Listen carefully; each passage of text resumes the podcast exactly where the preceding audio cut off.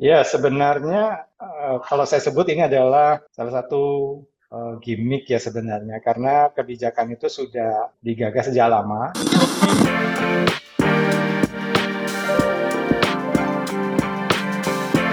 Hai sahabat TCID, kalian sedang mendengarkan podcast Suara Akademia. Ngobrol seru isu terkini bareng akademisi. Pendidikan tinggi mendapat kabar yang bisa dibilang cukup bombastis Sobat TCID karena Menteri Pendidikan Kebudayaan, Riset dan Teknologi Nadiem Makarim mengumumkan bahwa telah ada peraturan baru yaitu Permendikbudristek nomor 53 tahun 2023 yang di pemberitaan itu dituliskan menghapus skripsi sebagai syarat kelulusan mahasiswa S1 atau D4 gitu. Um, ini jadi berita yang hangat diobrolkan, nggak cuman dari sisi mahasiswa saja, tapi juga uh, masyarakat umum yang punya anak lagi kuliah atau mungkin juga akademisi rame menanggapi uh, apa ya pidato dari Mendikbudristek gitu. Kita bakal bahas soal isu ini, apakah sebenarnya adalah kebijakan yang tepat atau mungkin sebenarnya banyak sekali persiapan yang harus uh, dilakukan untuk mengikuti kebijakan ini di Suara Akademia. Nama saya Muhammad Syarif. Kali ini kita bakal ngobrol sama Pak Toto Sufianto. Beliau adalah asisten profesor dari Universitas Paramadina. Halo Pak Toto, apa kabar Pak? Kabar baik, Alhamdulillah. Gimana Mas Samad? Alhamdulillah sehat juga Pak Toto. Um, mungkin pertanyaan pertama saya ini Pak Toto, ketika Pak uh, Nadiem Makarim gitu mengumumkan bahwa skripsi tidak lagi menjadi syarat wajib gitu. Mungkin Pak Toto mau ngasih pendapat dulu Pak? Ya sebenarnya uh, kalau saya sebut ini adalah salah satu uh, gimmick ya sebenarnya karena kebijakan itu sudah digagas sejak lama dan memang secara perlahan uh, perguruan tinggi sudah mulai dibiasakan bergeser dari skripsi saja menjadi beberapa opsi yang lain. Gitu. Jadi sebenarnya ini sudah sudah digagas, tapi memang pengumuman ini menjadi penting karena sifatnya yang decisif ya. Jadi artinya tidak hanya skripsi tapi yang lain gitu. Uh, itu yang membuat keputusan ini uh, menarik perhatian publik gitu. Dan kalau ditanya apakah bagus, saya kira setiap keputusan itu ada masanya ya, ada zamannya ya. Jadi saya melihatnya ini adalah uh, the right moment gitu untuk kita mulai dengan tegas menyatakan bahwa kalau sarjana itu tidak harus membuat skripsi gitu aja. Kalau dulu kan uh, ada per, apa, sikap ataupun ada kepercayaan umum di kampus bahwa kalau belum bikin skripsi ya belum sarjana gitu. Yeah. Itu yang uh, jadi kalau ada orang mungkin kalau ada yang lulusan luar negeri gitu ya kamu skripsinya apa? Oh nggak ada, nggak ke skripsi. Gitu. Oh aneh, nah, tapi masih di dari luar negeri nggak apa-apa. Gitu. Tapi kalau di dalam negeri sekolah di PTN atau PTS tertentu terus kemudian nggak ada, oh nggak ada skripsi, wah itu aneh gitu kan. Nah sekarang mungkin dengan adanya keputusan ini bahkan buat mereka yang mungkin semester depan sudah harus nyusun skripsi mestinya gitu ternyata tidak gitu ya akhirnya dengan percaya diri bilang oh saya nggak pakai skripsi jadi perubahan-perubahan itu yang menurut saya akan terjadi di masyarakat. Jadi tidak menjadi momok lagi uh, di tahap akhir dari sebuah studi sarjana. Tapi yang menjadi um, pertanyaan saya adalah ketika membuka sosial media ada yang beranggapan Indonesia lumayan terlambat nih Pak untuk mengambil apa ya mengambil keputusan ini akhirnya jadi peraturan menteri gitu. Emang seterlambat itukah atau gimana nih Pak? Saya kira terlambat atau tidak itu relatif ya. Hmm. Mungkin terlambat buat yang menganggap ini kebijakan ini ketinggalan zaman dibanding negara-negara lain. Mungkin terlalu cepat buat mereka yang masih percaya bahwa ukuran kompetensi seorang sarjana itu adalah dia menyelesaikan skripsi di ujung studinya. Jadi relatif ya terlambat atau cepat.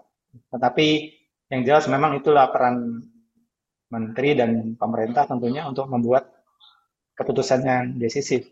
Kita harus tentukan ini yes or no gitu. Jadi dan itu pun sebenarnya ini tidak tidak hitam putih sebenarnya karena masih diberi opsi juga kalau mau bikin skripsi juga nggak apa-apa gitu. Masih ada yang lain misalnya apa uh, tugas akhir, project, kemudian prototip, uh, macam-macam lah uh, pengalaman magang di perusahaan. Jadi sebenarnya masih ada syarat yang menurut saya hampir sama sebenarnya. Kalau dulu zaman misalnya laporan apa uh, tugas lapangan gitu ya, uh, praktek lapangan PL itu sekarang sudah bisa dianggap sebagai skripsi.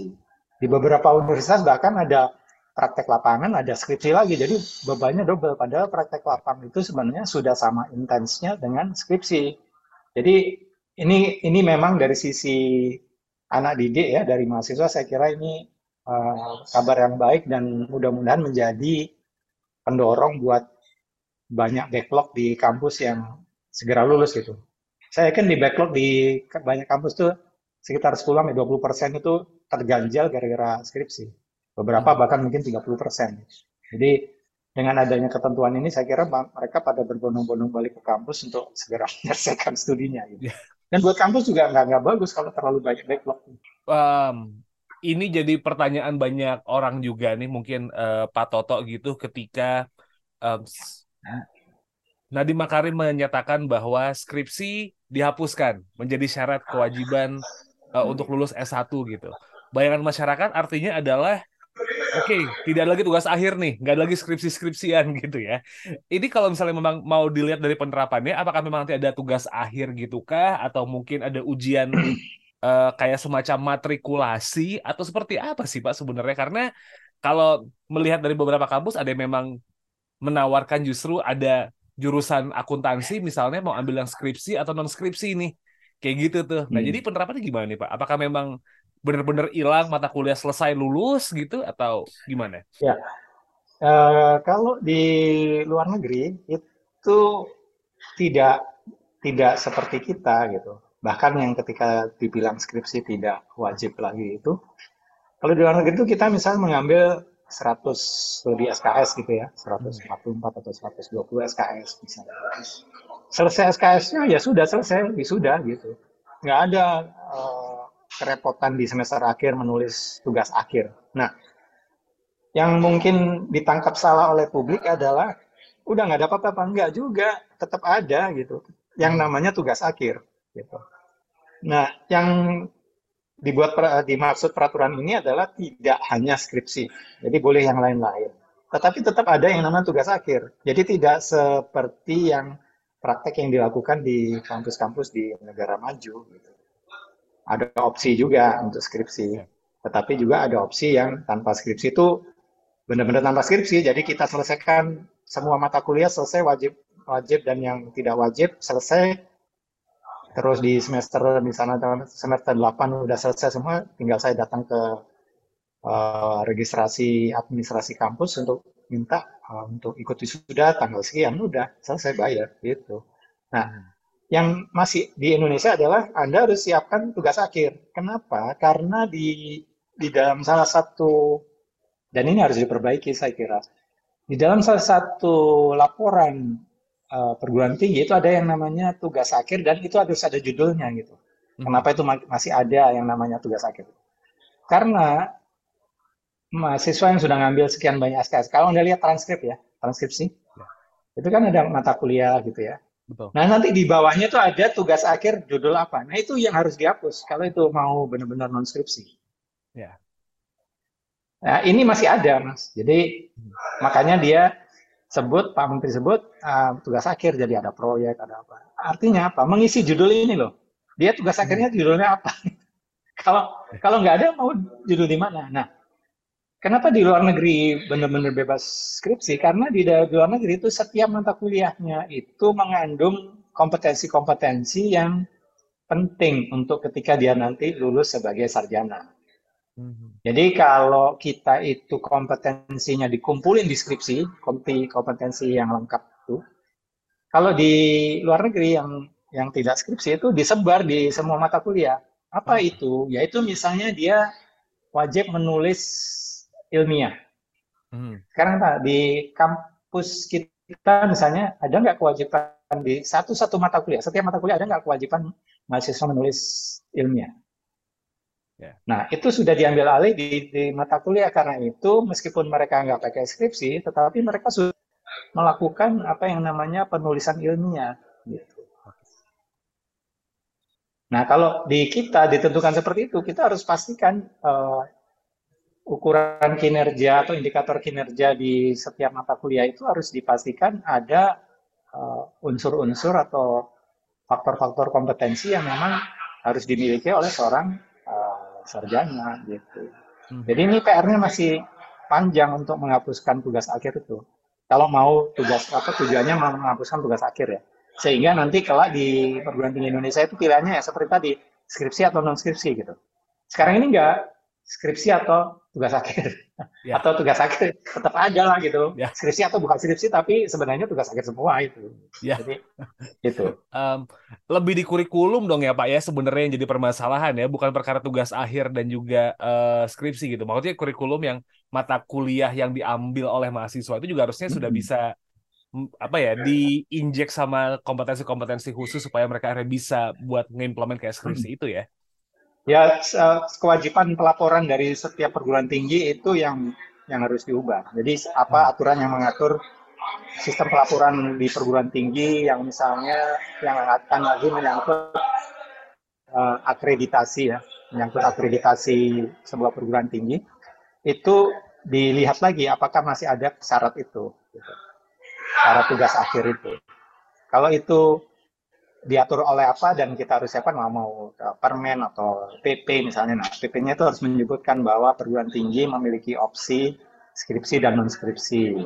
Jadi bentuk jadi harus dalam sampai turunan teknisnya. Jadi untuk skripsi gini-gini dan harus ada judulnya atau untuk yang skripsi tugas akhir ya. Kemudian non tugas akhir berarti harus seperti ini formatnya transkripsinya seperti ini. Gitu. Jadi harus sampai ke situ aturannya. Jadi perguruan tinggi akan uh, mengikuti. Tapi kalau cuman uh, non skripsi ya tetap aja tugas akhir. Jadi kalau di Indonesia bukan skripsi non skripsi tapi tugas akhir dan non tugas akhir gitu.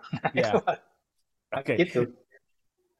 Uh, tapi juga melihat beberapa pendapat um, akademisi atau mungkin pengamat pendidikan dan juga peneliti gitu Pak Toto, um, keputus sorry peraturan Mendikbudristek ini adalah uh, keputusan yang dianggap baik gitu karena akan uh, bisa berjalan sesuai dengan kebijakan otonomi kampus masing-masing gitu Pak. Jadi ini udah keputusan yang tepat dong kalau kita nge-refer ke otonomi di kampus gitu Pak. Oke, okay, ya. Uh, otonomi kampus itu kan tergantung kondisi dari setiap kampus ya. Jadi uh, ibaratnya gini, kalau anda bayangkan kampus itu keluarga gitu ya, dan itu keluarga yang uh, berkecukupan gitu ya, kaya, kelas menengah atas gitu, itu saya percaya itu bisa otonomi. Gitu. Tapi ada juga keluarga yang uh, uh, miskin atau bahkan di bawah garis kemiskinan gitu, gimana mau otonomi dia. uh, apa jumlah dosennya sedikit, nggak kompeten, mata kuliahnya. Jadi jumlah mahasiswa, kalau jumlah mahasiswa sedikit sehingga secara ekonomi keekonomian tidak layak. Gimana mau otonomi gitu. Jadi hmm. otonomi itu harus didukung oleh sumber daya dan sistem yang infrastruktur sarana prasarana yang memadai gitu. Itu baru bisa disebut otonomi. Tapi kalau tidak, bagaimana dia mau otonomi? Kalau misalnya perguruan tinggi ini, terutama swasta ya, kalau yeah. perguruan tinggi swasta ini sangat tergantung pada uh, iuran ataupun SPP mahasiswanya, gimana dia mau otonomi gitu. Dia kencang sedikit orang pada pindah ke tempat lain. Yeah. Dia mau terlalu, jadi ya udahlah makin lenient makin bagus lah nggak nggak terlalu banyak requirement mutu juga nomor sekian gitu ya. Mm -hmm. Ya akhirnya nggak bisa otonomi, dia uh, otonominya dari sisi yang apa tidak berintegritas gitu? Malah mungkin mengorbankan mutu gitu. Malah kasarnya dia jualan jasa aja gitu. Oh, okay. ya kan? Ya. itu yang yang yang harus dipikirkan. Jadi hikmah dari sini menurut saya adalah uh, pemerintah harus uh, memikirkan ketika bicara otonomi itu adalah dipetakan dulu mana kampus-kampus uh, yang mandiri yang siap otonomi. Nah itu yang bisa digenjot untuk supaya memenuhi aturan-aturan yang ada sementara ada perguruan tinggi yang uh, masih perlu bantuan uh, masih megap-megap gitu nah itu harus diberikan asistensi khusus gitu nah itu ada perlu treatment-treatment saya kira uh, setahu saya sih uh, pemerintah dalam ini Kemendikbudristek sudah punya skemanya untuk seperti ini. Jadi dari sekitar 4.000 perguruan tinggi yang ada di Indonesia itu tidak bisa dilakukan diberikan perlakuan yang sama gitu. Bahkan termasuk okay. ketentuan tugas akhir ini. Tadi Pak Toto juga sempat nge-mention ada soal mutu nih Pak kalau berbicara soal uh, otonomi juga yang banyak dikhawatirkan hmm. adalah um, mutu lulusan nih Pak.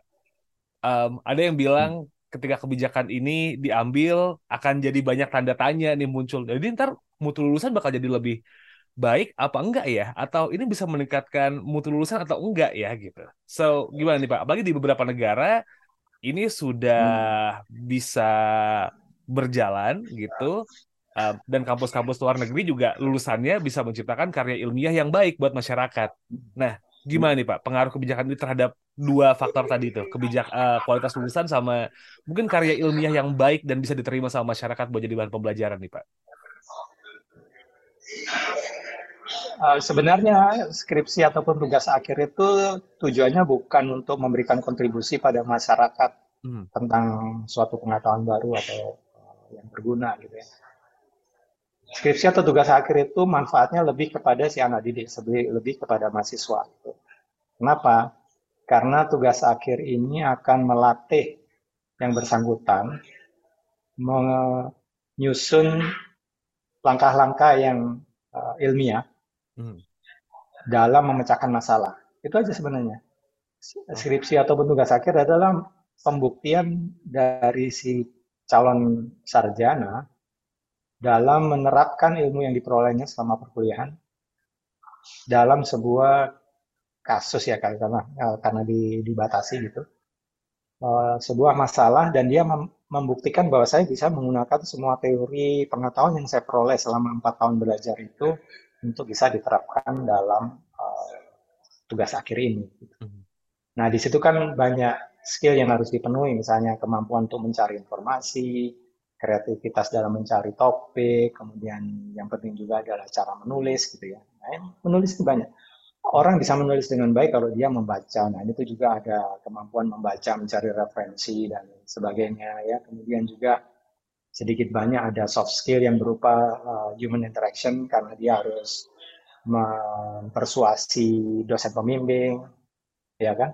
Mempersuasi sumber narasumber, riset, mempersuasi perhitungan dan sebagainya. Artinya begini, uh, skripsi itu Pak Toto uh, bisa dibilang uh, hanya mempersiapkan mahasiswa yang S1 untuk mengetahui bagaimana caranya menulis ilmiah dong ya. Yang Betul. Uh, tujuannya ya. lebih ke situ ya. Iya. Karena itu di kampus di luar negeri itu kalau di setiap mata, mata kuliahnya sudah memberikan tugas seperti itu saya kira bisa diambil dan saya dulu dulu kira-kira 10 tahun yang lalu sudah mengusulkan anak-anak ini kan sudah membuat proyek sudah membuat tugas gitu nah apalagi kalau tugasnya itu individual gitu ya. Itu kan sudah ada judul. Jadi problemnya nah, adalah menempelkan judul itu di transkrip gitu sebenarnya. Ya. Dari sekian mata kuliah tinggal dipilih aja mana yang uh, tugas mata kuliah tertentu misalnya yang ini misalnya tinggal diwajibkan masuk ke jurnal ataupun penerbitan yang sifatnya publik gitu ya. Hmm. Bahkan kalau bisa juga misalnya ke, ke koran gitu ya, seperti masuk ke koran-koran nasional yang uh, seleksinya ketat itu Kompas atau Media Indonesia gitu misalnya Jawa Pos. Nah, itu sudah dianggap sebagai tugas akhir misalnya. Itu kan tinggal ditempel aja di situ ada pembuktiannya gitu ya dan menunjukkan si anak didik sudah bisa uh, mengungkapkan pikirannya secara runut uh, ilmiah dan objektif gitu. Sebenarnya itu kan uh, tujuannya itu gitu.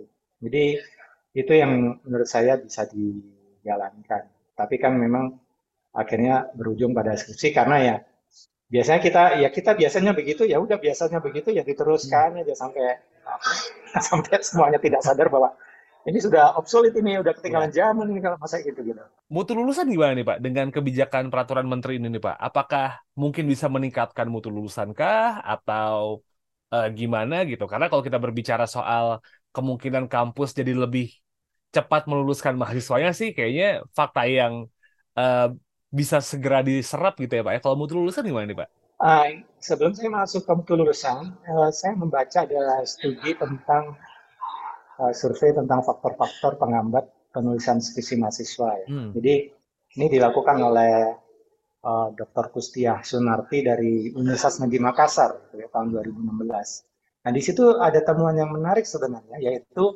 uh, uh, faktor-faktor yang melatar belakangi kesulitan mahasiswa dalam menulis karya tulis ilmiah. Yang pertama adalah sulit memfokuskan perhatian pada rencana penulisan skripsi, ya. nggak fokus. Okay. Yang kedua, takut kalau naskah skripsi tidak disetujui pembimbing. Ini apa uh, horor horor kalau yeah. skripsi. Yang ketiga, kurang gigi ulet dalam penulisan skripsi, mungkin kurang uh, daya juang kali. Hmm. Yang keempat, dedikasi rendah. Yang kelima, tidak realistik yang keenam kurang melakukan kontak profesional dengan teman studi dan sebagainya. Nah, itu yang menurut saya sebenarnya kalau dibaca sepintas itu adalah sebenarnya eh, tidak ada kaitannya dengan eh, bidang studinya kan, program studi nggak ada. Tapi semuanya itu adalah sebenarnya soft skill kan. Ya. Yeah. Semua itu adalah soft skill. Nah, di era baru ya, di era revolusi industri 4.0 atau seterusnya itu sebenarnya banyak negara maju yang sudah menunjukkan resepnya dan begitu banyak konsep akhirnya mereka sampai pada kompetensi yang disebut 4C tadi mm. yaitu communication, uh, critical thinking, creativity dan collaboration. Itu kan semua soft skill yang disebut tadi di masalah tadi. Yeah. Nah, tugas dari kampus dan kemudian program studi itu adalah menerjemahkan 4C ini ke dalam setiap kegiatan mereka, uh, terutama kegiatan akademik ya, dan kaitannya dengan mata kuliah gitu ya, yang mengandung 4C ini. Gimana akhirnya anak didik mereka itu menguasai 4C ini. Kalau itu sudah tercapai, saya kira uh, aman kita, karena anak-anak didik kita akan kreatif, bisa mengkomunikasikan kreativitasnya ya, bisa hmm. bekerja sama dengan orang lain kolaboratif, terus mengasah uh, kekritisan berpikirnya. Itu kan sebenarnya yang kita harapkan dari lulusan. Kalau dia sudah membuktikan itu, ya sudah kan sebenarnya dia uh, layak untuk menjadi sarjana dan siap uh, bekerja di masyarakat. Gitu. Ini sebenarnya uh, outcome-nya kan. Ya. Kalau output-nya kan sebenarnya dia menghasilkan tugas akhir tadi. Tetapi hmm. output ini kan tidak harus dalam bentuk tugas akhir. Kalau kampus itu bisa punya mekanisme yang mengukur indikator empat ini dalam dengan cara yang baik gitu ya. Nah, tentunya bayangan saya akan memiliki sistem informasi yang melacak uh, kinerja akademik si mahasiswa ya secara individual. Nah, itu kan perlu teknologi ya. Makanya saya sebut tadi kalau kalau kampusnya itu punya sarana prasarana yang bagus ya, uh, advance gitu teknologinya, saya kira dia bisa melakukan itu. Tetapi kalau yang uh, kampusnya uh, setengah mati gitu apa megap-megap dari segi keuangan dan sumber daya ya itu nggak akan mampu. Karena ini teknologi semuanya relatif mahal gitu kan. Nah itu yang menurut saya bisa dilakukan gitu. Nah yang konyol adalah kalau itu kampus itu sudah cukup mumpuni cukup kaya tetapi masih aja terjebak pada praktek lama gitu. Misalnya cara mengukur semua itu dengan skripsi nah itu yang bisa saya pahami membuat ke jengkel mereka yang nggak lulus lulus gara-gara yeah. misalnya dosennya kolot ya mikirnya kok skripsi kali zaman tahun 60-an 70-an ya. ya itu yang nggak cocok sebenarnya gitu jadi ah, okay. ada benarnya juga ada hikmahnya juga dari keputusan ini sehingga uh, menggoyang comfort zone dari banyak dosen yang selama ini uh, punya apa ya target yang mungkin terlalu tinggi ya buat mahasiswa zaman sekarang. Jadi saya kira uh, perlu disesuaikan lah, sesuai dengan zamannya tadi. Hmm. Saya kira. Baik Pak Toto, uh, peraturan yang memang bisa dilihat dari sisi positif, um, ya ini mungkin jadi salah satu kemajuan, tapi juga banyak yang harus dipersiapkan gitu ya, mulai dari uh, kampus yang menyiapkan materi kuliah yang jauh lebih baik, infrastruktur hmm. juga untuk mendukung supaya mahasiswa itu outputnya jadi lebih oke. Okay. Mungkin ada yang ingin disampaikan lagi Pak Toto mengenai uh, peraturan Mendikbudristek ini soal skripsi yang tidak diwajibkan lagi nih Pak? Ada iya. lagi Pak? Ya tadi seperti saya bilang, jadi semua kampus harus menyesuaikan diri dan menerapkan mekanisme mengukur kinerja akademik mahasiswanya secara lebih ilmiah tapi juga lebih apa ya lebih memanfaatkan teknologi informasi lah gitu. Hmm. Jadi jangan jangan menggunakan teknologi manual lagi. Jadi kalau misalnya pelacakan pada karya mahasiswanya itu bisa lebih baik. Kesempatan kepada yang kedua, kesempatan pada mahasiswa untuk menulis yang makin banyak. Nah, uh, budaya menulis ini juga dikaitkan dengan budaya membaca gitu ya.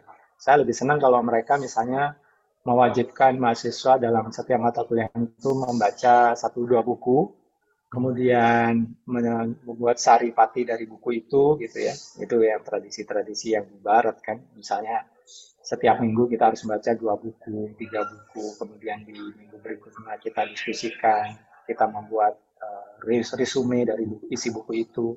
Itu udah berat. Kalau itu bisa dilakukan dan kemudian membuat resume itu kan sudah latihan membaca dan menulis gitu ya.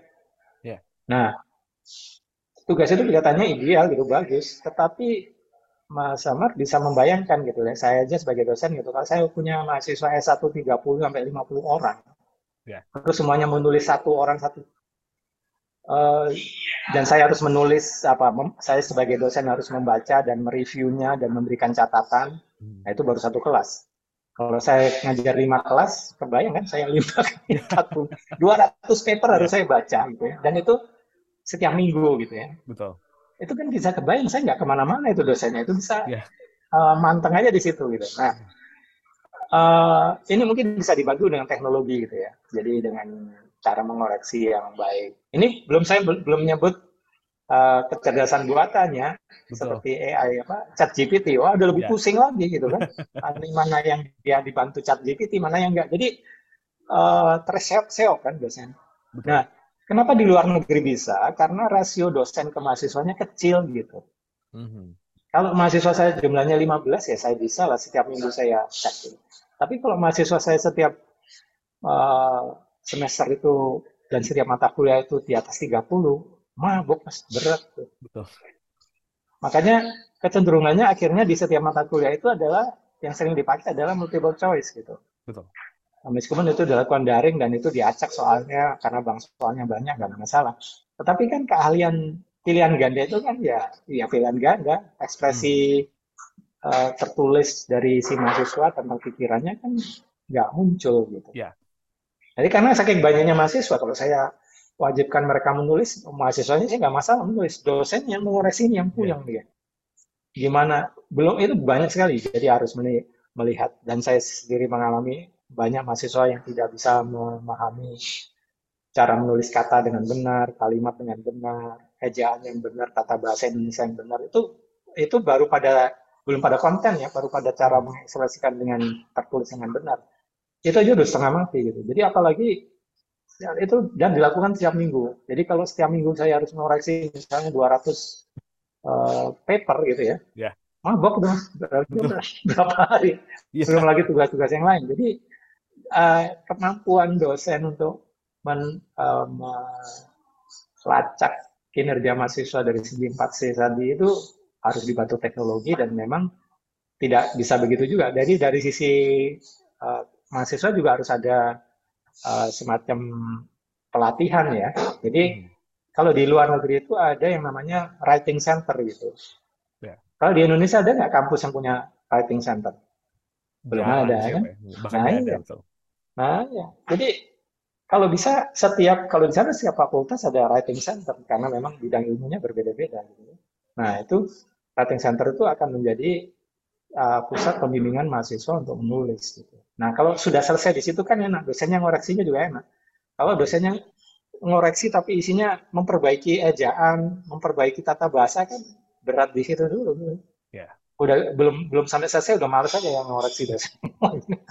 ini anak mesti lulus SMA-nya atau lulus SMP-nya lebih bener lagi dong jangan yeah. di perguruan tinggi baru bisa nu, baru belajar nulis gitu gitu kan problemnya uh, memang uh, kalau ngelihat soal mutu lulusan banyak yang harus dibenahi di belakangnya sebelum akhirnya ini Betul. diambil tapi uh -huh. ya um, peraturan menterinya sudah keluar semoga ini bisa membuat pendidikan tinggi di Indonesia jadi lebih baik lagi ke depannya begitu ya Pak Amin, Tomo ya? Ya, iya, sama.